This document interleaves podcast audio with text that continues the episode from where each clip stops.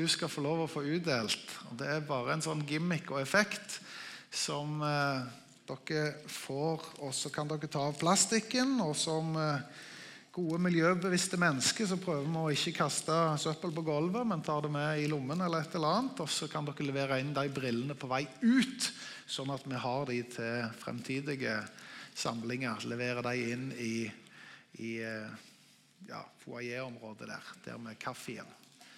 Så hadde det vært fint. Yes, Så kommer det nok opp eh, noe på, på skjermen her. Eh,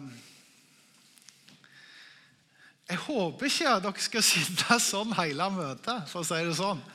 For det ser noe rart ut. Eh, jeg skulle nesten tatt bilde herfra med den gjengen her nå. Det var meget spesielt syn. Eh, men tanken er at dere bare i noen få sekunder skal få lov å ha dem på dere, og så få kikke litt opp på denne her flotte grafiske tingen som Anders har gjort. Og der ser dere at i denne høsten så skal vi Det er noen, det er noen disse brillene var for små for, Per. Går det greit? Jeg har Nei, jeg, jeg ser. Det går bra. Uh, denne høsten så skal vi prøve å snakke om å følge Jesus i 3D. Og uh, Egentlig så har jeg, du allerede fått uh, poenget, håper jeg. Jeg håper du ser at det som er litt uklart og blurry, det blir skarpere, og så får det en dybde i seg når du ser inn i det bildet der. Hvis ikke så er det noe galt med ditt syn. uh, så i utgangspunktet så skal det være litt, litt bedre. Men hvis dere, hvis dere, skal sitte sånn hele møtet, så kommer jeg til å bli skikkelig forstørra. Altså. Det var et me meget spesielt syn. Ehm, så når du føler du har sett det, så kan du etter hvert få ta de av deg. Og så har vi på en måte illustrert litt av poenget allerede. Det er jo en litt sånn underlig overskrift å kalle noe for 3D og si at vi skal ha et fokus på 3D denne høsten. Men det handler om at eh, Eh, ja, Det var vel på 90-tallet det, det, slo skikkelig inn, dette med 3D-briller. og Da kunne vi gå på kino og se kino i 3D. og Da var det liksom ikke bare bredden og høyden av skjermen, men du så dybden i bildet. Og Bibelen forteller jo noe om det å ikke bare se ting i høyden og bredden, men òg å se noe i dybden. Og Ofte så blir det sånn at når noe er endimensjonalt, så er det litt grunt eller litt enkelt eller litt ensidig, ensformig. Mens hvis du får dybden i noe, så ser du ulike nyanser, og du ser en annen utstrekning i det. Og Ofte så er det sånn med det kristne budskapet at det har ulike dimensjoner i seg. Og Ofte så er det tredimensjonalt, det budskapet vi har. For at det skal få balanse og for at det skal få utstrekning. La meg ta et eksempel. Vi tror på én Gud. Du skal ikke ha andre guder enn meg. Allikevel er det sånn at når du ser inn i Guds vesen og ser dybden i Gud, så åpenbarer Gud seg som Fader, Sønn og Hellig Ånd. Og uten alle tre dimensjonene så blir det ubalansert. Sånn er det òg med oss som mennesker. Vi er jo ett menneske. Jeg går ikke rundt og tenker at jeg er et tredelt menneske, men når jeg ser litt mer inn i hva et menneske består av, så er det mer enn en kropp som går rundt på jord. Vi er òg sjelelige mennesker som har et sjelsliv. Vi er òg åndelige mennesker som har åndelige behov og åndelige kanaler. og Derfor så omtaler Bibelen mennesket både ut ifra ånd, sjel og kropp, altså tredimensjonalt. Når Jesus skal fokusere på det viktigste budskapet han har å gi til menneskeheten, som òg eh, June var så vidt innom her, han snakket om kjærligheten, så sier, Gud, så sier Jesus at du skal elske Herren din Gud, din neste og deg sjøl. Det er tre dimensjoner. Og Kjærligheten får et annet uttrykk, en annen valør, en annen utstrekning om du ser den tredimensjonalt. Det kristne budskapet til oss som mennesker det er òg tredimensjonalt. Det er ikke sånn at vi bare håper på det som ligger i framtida og den himmel, men vi peker på at vi får tilgivelse for fortid. Vi tror på Guds nærvær i dag, og så tror vi på en himmel og et håp og en evighet. Altså, Det er tre dimensjoner i budskapet. Det er en snakk om fortida vår, som Jesus har sont for, nåtida, der Gud er nær ved sin ånd, og framtida, som han har forberedt til alle som tror. Ser dere det? At budskapet vi har å bringe, det er ofte i ulike dimensjoner. og For at det skal få en rett utstrekning og balanse, så må vi ha med det tredimensjonale. Og så har vi sagt at Denne høsten her så skal vi fokusere spesielt på tre stikkord. Og nå Den neste måneden så skal det handle om fellesskap i 3D. Og Så skal det handle om livsfokus i 3D. Og så skal det handle om disippelskap i 3D. Det er ulike dimensjoner som gir det en utstrekning og en dybde. Her står det jo noe om eh, Det er vel Efeserne 3,18. Det står at sammen med de hellige så skal vi være i stand til å fatte både bredde og høyde, men òg dybde. Er dere med? Så her er det sånn at Gud inviterer oss til å ikke bare se bredde og høyde, men òg dybde. Og Hvis du skal se dybden i budskapet, så tror jeg at du må se fellesskap fra litt ulike synsvinklinger. Og Nå har vi hatt så mye korona halvt år, og det er jo dessverre litt sånn oppblomstring på gang, ser det ut som. Eh, men det blir mye sånn digitalt fellesskap. Og det er ikke et type fellesskap som Bibelen taler om. det digitale fellesskapet avstandsfellesskapet, det virtuelle. Når Bibelen snakker om fellesskap, så er det snakk om å komme nært hverandre på ulike måter. Og Gjennom historien så har fellesskap fått forskjellige uttrykk i Den kristne kirke. Og nå tenkte jeg at I dag så skal vi snakke om den ene dimensjonen av det kristne fellesskapet. og Det er det vi kaller for storfellesskapet. Det at vi samles i stort, det at vi kommer til gudstjeneste, er 100 eller 200 eller 300, alltid til størrelsen på menigheten, eller 40 eller 50 for den saks skyld. At vi kommer sammen som Guds folk, og sammen med alle de hellige så ser vi noe som vi ikke ser hver for oss. Derfor så trenger vi storfellesskapet. Vi trenger gudstjenestefellesskap. Og Dette oppmuntrer jeg til fordi at nå har det vært litt spinkelt med gudstjenestefellesskap. Litt lite storsamlinger. Eh, vi har måttet holde ting veldig annerledes, men nå skal vi ta det opp igjen og si noe. Dette er noe som Bibelen taler om, og noe som den kristne kirke alltid har hatt, og som vi fortsatt trenger. Denne enkle figuren som ligger her nede, som vi har kalt en visjonsfigur for vår del, det er jo en barnslig, enkel tegning som forteller noe om Kjærligheten som skal være vårt budskap, som gjennomsyrer alt.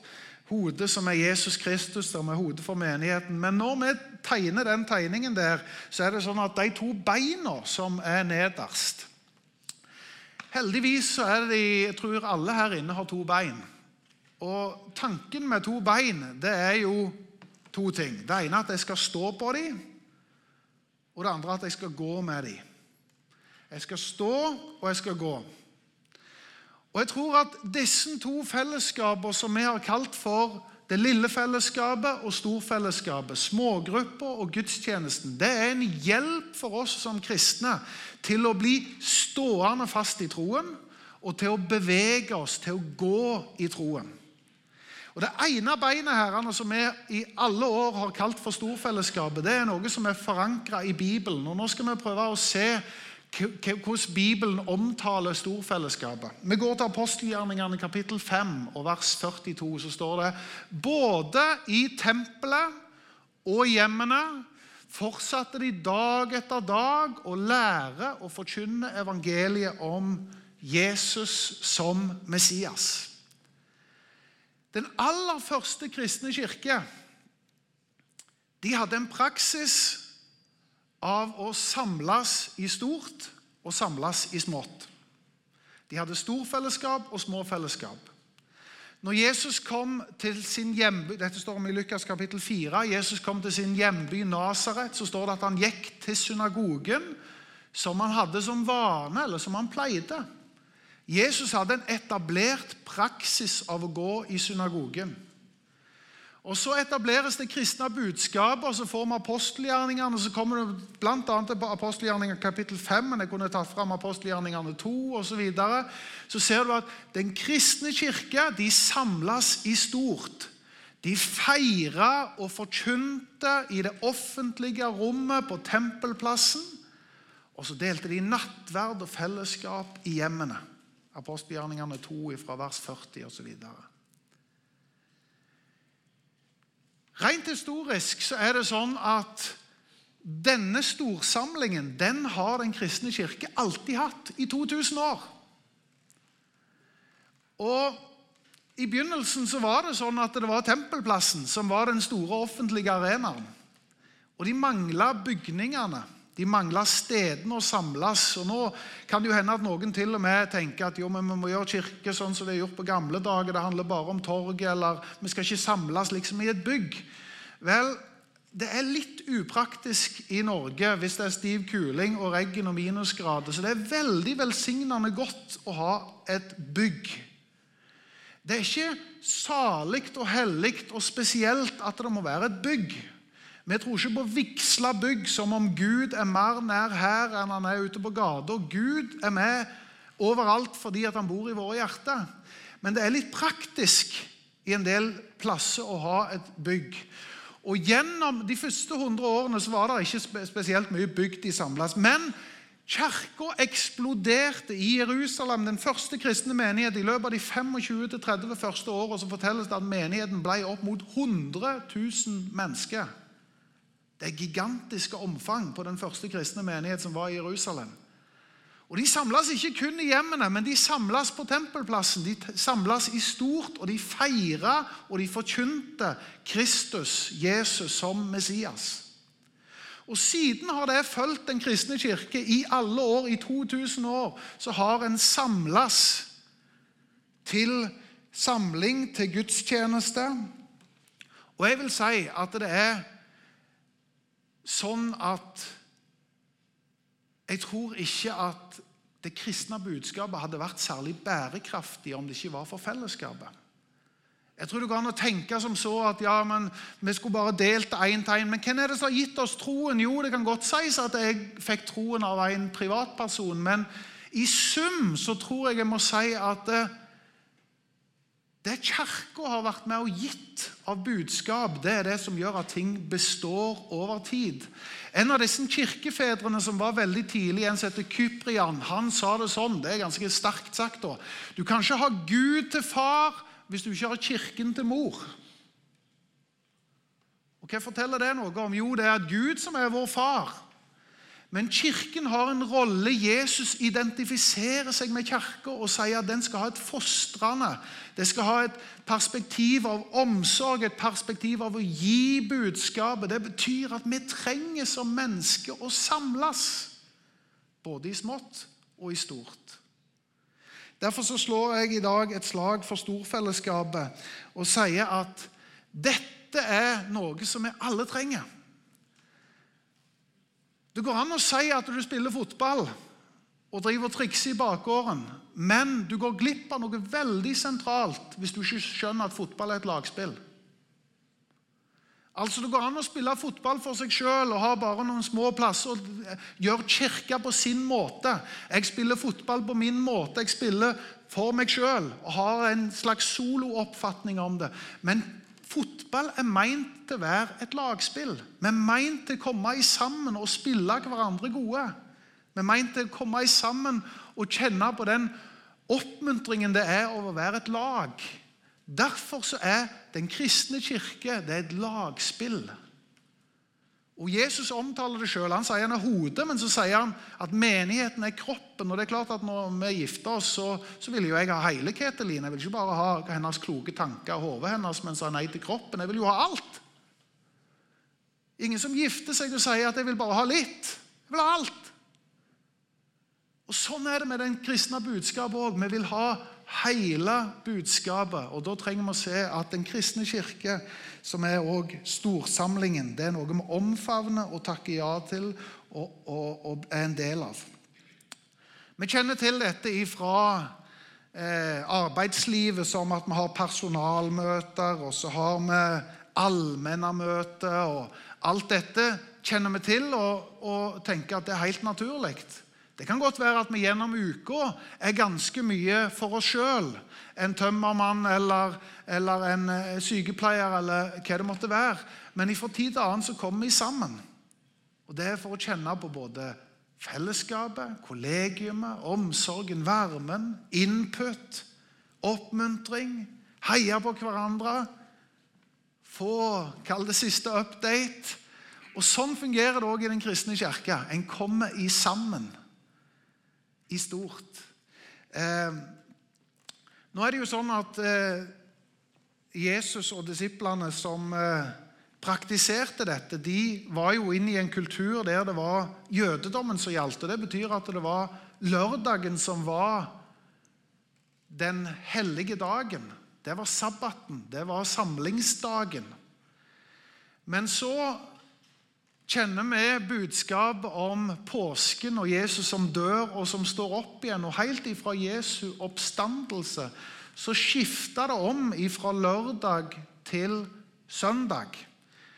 Nå er ikke det det saliggjørende at det plent er en søndag. Men jeg tror jo på å omfavne og holde på den dagen der som har stått seg nå gjennom 2000 år. fordi at det gikk ifra at Jødene hadde det som lørdag, mens de kristne valgte søndagen. og det er jo fordi at Søndagen er oppstandelsesdagen, så en kommer i sammen for å feire Jesu Kristi oppstandelse. Så Det sentrale når en kommer i sammen, det er jo at Jesus er sentrum. Han løfter vi opp, og han nærer vi, og så feirer vi at han har stått opp ifra de døde. Og Det er budskapet vårt, og på den grunn samles vi. Men for jødene på den tida og, og, nå så er det sånn at søndag er den første dag i uken. Fordi at sabbaten var lørdagen, sånn at den første dagen det er ikke mandagen, men det er søndagen.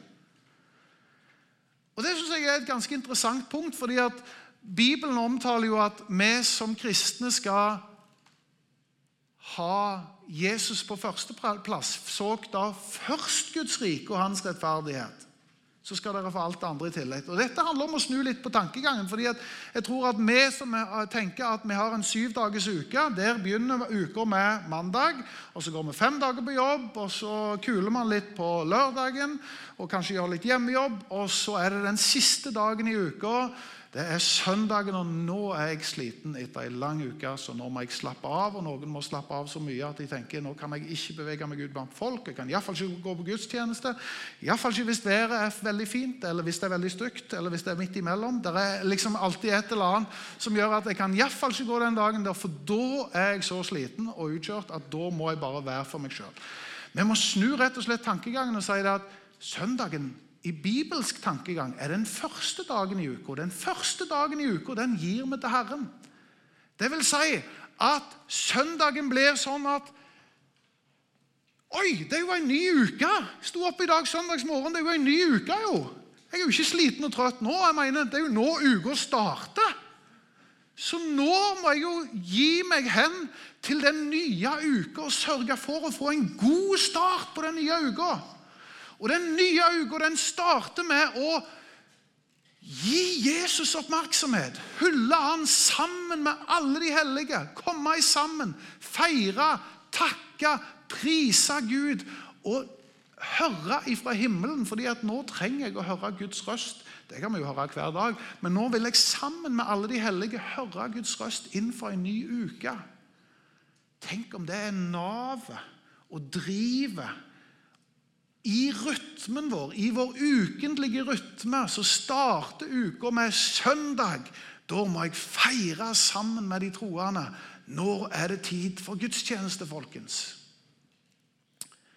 Vel, dette budskapet kan jo høres med litt ulike ører. Det er klart at Hvis en hører det som at ja, grunnen til at jeg må komme på gudstjeneste, det er at pastoren har behov, eller lederskapet har behov for at vi har mest mulig folk her, så vi kan fortelle om hvor mange vi har vært på møte. Nei, nei, da er det klart, da vil du føle det bare som en sånn klam hånd som kommer og sier du må. Nei, dette er jo for å, dette er jo ikke, En går ikke på gudstjeneste for å tilfredsstille et lederskap eller en pastor. En går på gudstjeneste for en sier jeg har lyst å innvie livet mitt, uka mi, dagen min til Gud. Jeg har lyst til å ha en ukesrytme av å starte med å gi oppmerksomhet og ære og tilbedelse til en levende Gud. Det er ikke fordi at alle andre trenger det, det er fordi jeg trenger det sjøl. Er du med? En kommer ikke på Guds ander selv om du er den mest trofaste av de alle her. Du kommer jo ikke på gudstjeneste for at 'jeg trenger det'. Du trenger det sjøl.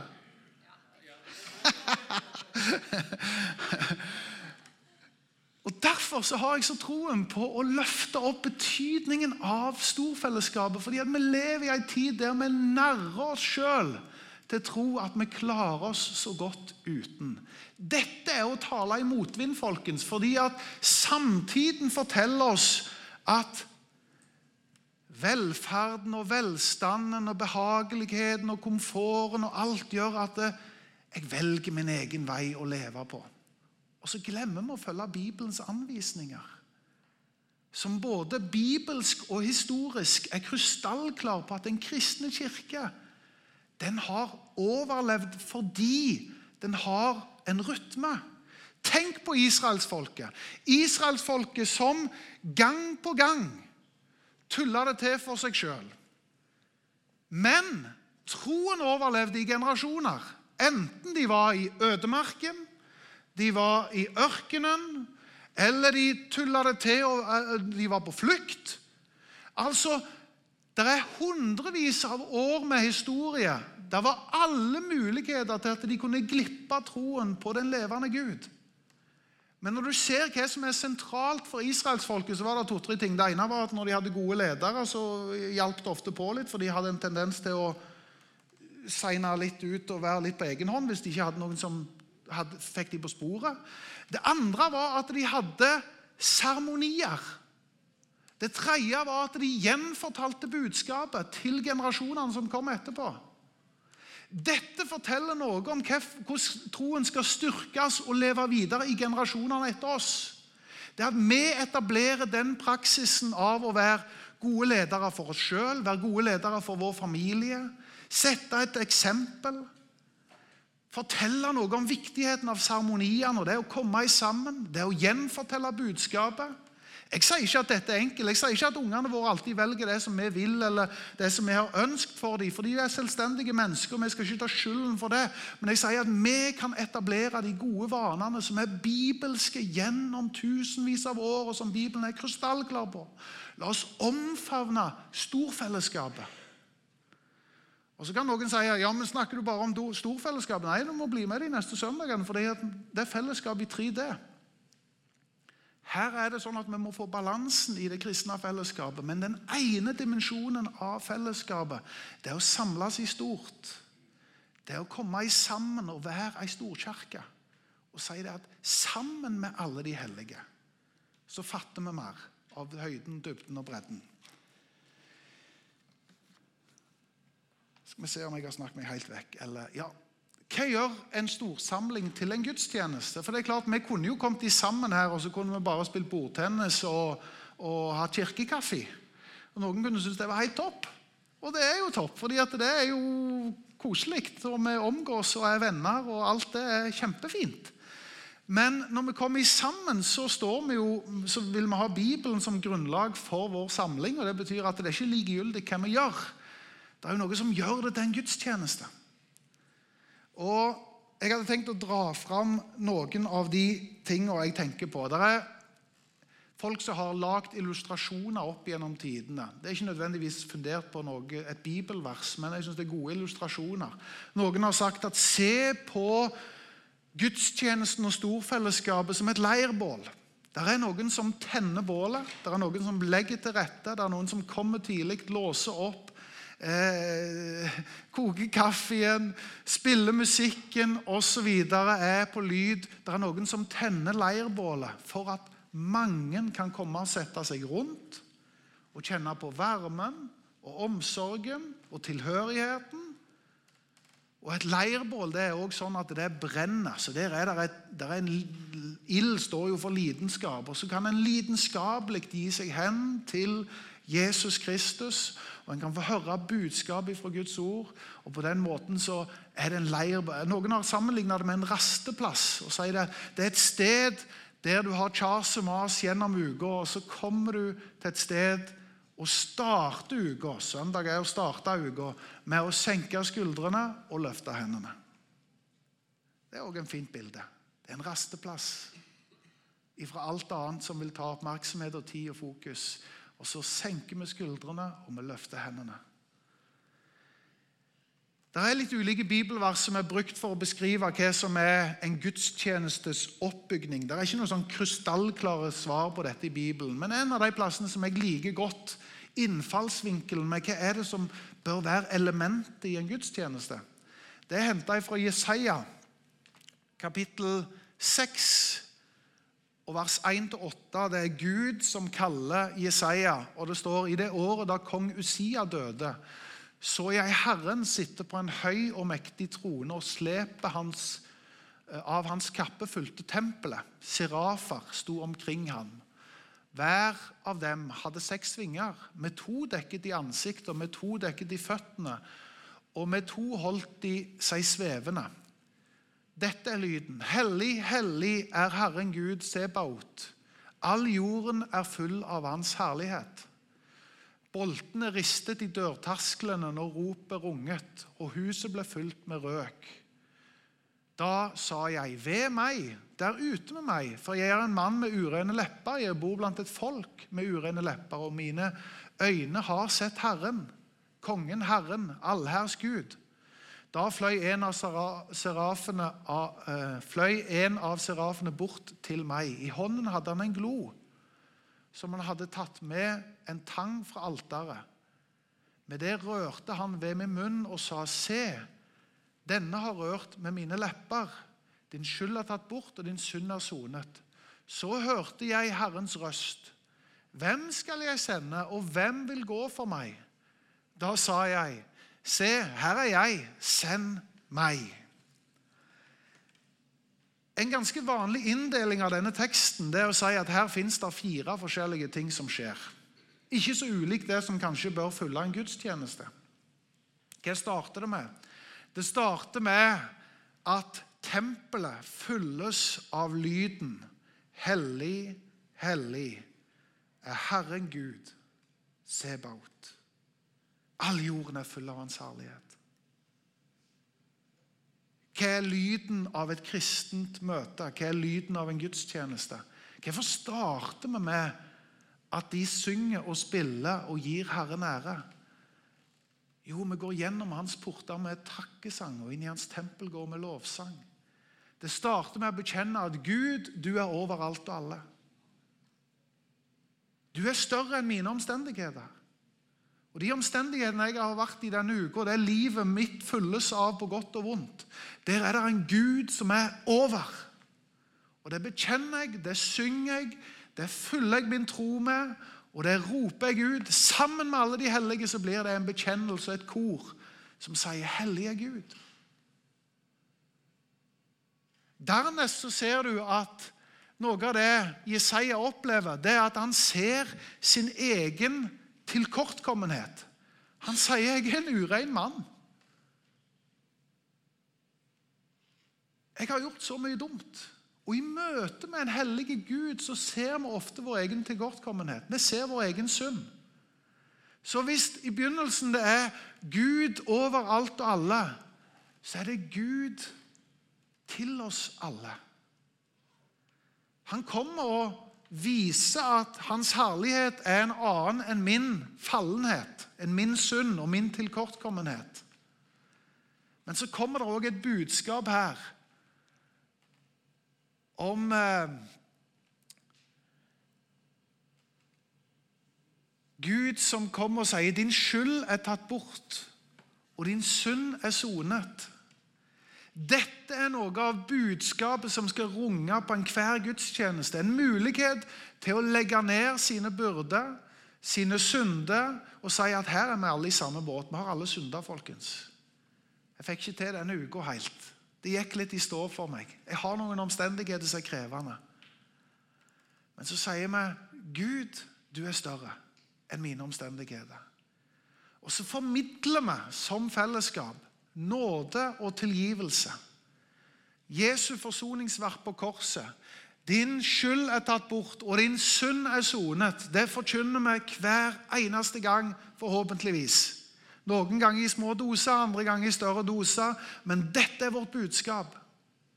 Det er at vi kommer sammen og sier Gud er større. Jeg kjenner på min egen tilkortkommenhet, men jeg takker deg, Gud, fordi at det finnes nåde for dagen i dag og for uka som ligger foran. Og så er Jesaja sin respons hvem skal jeg sende? Hvem vil gå for meg? Eller, Gud som, eller er det serafen som sier det? Jo, Herrens røst er det. Hvem skal jeg sende? Hvem vil gå for meg? Og så sier han, se her, jeg, send meg. Det betyr at gudstjeneste er en samling og en sending. Der står en grønn nødutgangsgreie der. Av og til står det 'ut' på de. Og Det er jo det Guds folk er kalt til. Vi er kalt ut. Ekle sider, det greske ordet for menighet, det betyr å være utkalt. Og Når du leser litt nærmere om det, så ser du at det finnes to dimensjoner. i alle fall. Det er at vi er kalt sammen, og så er vi kalt ut. Så sammenkallingen den skjer Vi har valgt å la det være søndag klokka 11. For da sammenkaller vi hele menigheten og sier la oss komme sammen. Hylle den levende Gud. Du kommer til å få forkynt sånn at du ser at oi, jeg kommer til kort. Jeg har blingsa, jeg har bomma. Men vet du hva? der er vi alle i samme båt. Det er en nådefull Gud som har nåde og tilgivelse for dagen i dag, for uker som har vært, for uker som kommer. Men la oss sammen avslutte med å si Se, her er jeg, send meg. Gud, nå ligger det en ny uke foran. La meg få være ditt talerør denne uka. La meg få være den du sender til den arbeidsplassen, til den skoleplassen, til den legeplassen. La meg få lov å være et redskap i din hånd, Gud. Se, her er jeg, send meg. Derfor så avslutter vi en gudstjeneste, eller bør avslutte en gudstjeneste med å si La oss gå i fred og tjene Herren med stor glede. Det er en ny uke som ligger foran. Men jeg, men jeg spoler oss inn på La oss holde fast ved storfellesskapet. Hebreerne 10,25 sier la oss ikke holde oss borte når menigheten samles, som noen dessverre har for en uvane. Ikke fordi at du skal please pastor eller lederskap, men fordi vi trenger det, hver og en av oss. For at vi ikke skal spore av. Her lærer historien oss så mye. Her lærer Bibelen oss så mye. La oss ikke lure oss sjøl til å tro at vi vet bedre enn historien og bedre enn Guds ord. La oss omfavne fellesskapet, storfellesskapet, samlingen av alle de hellige. La oss komme sammen og tilbe den levende Gud. La oss komme sammen for å bli sendt ut til en ny uke. I Jesu navn. Amen.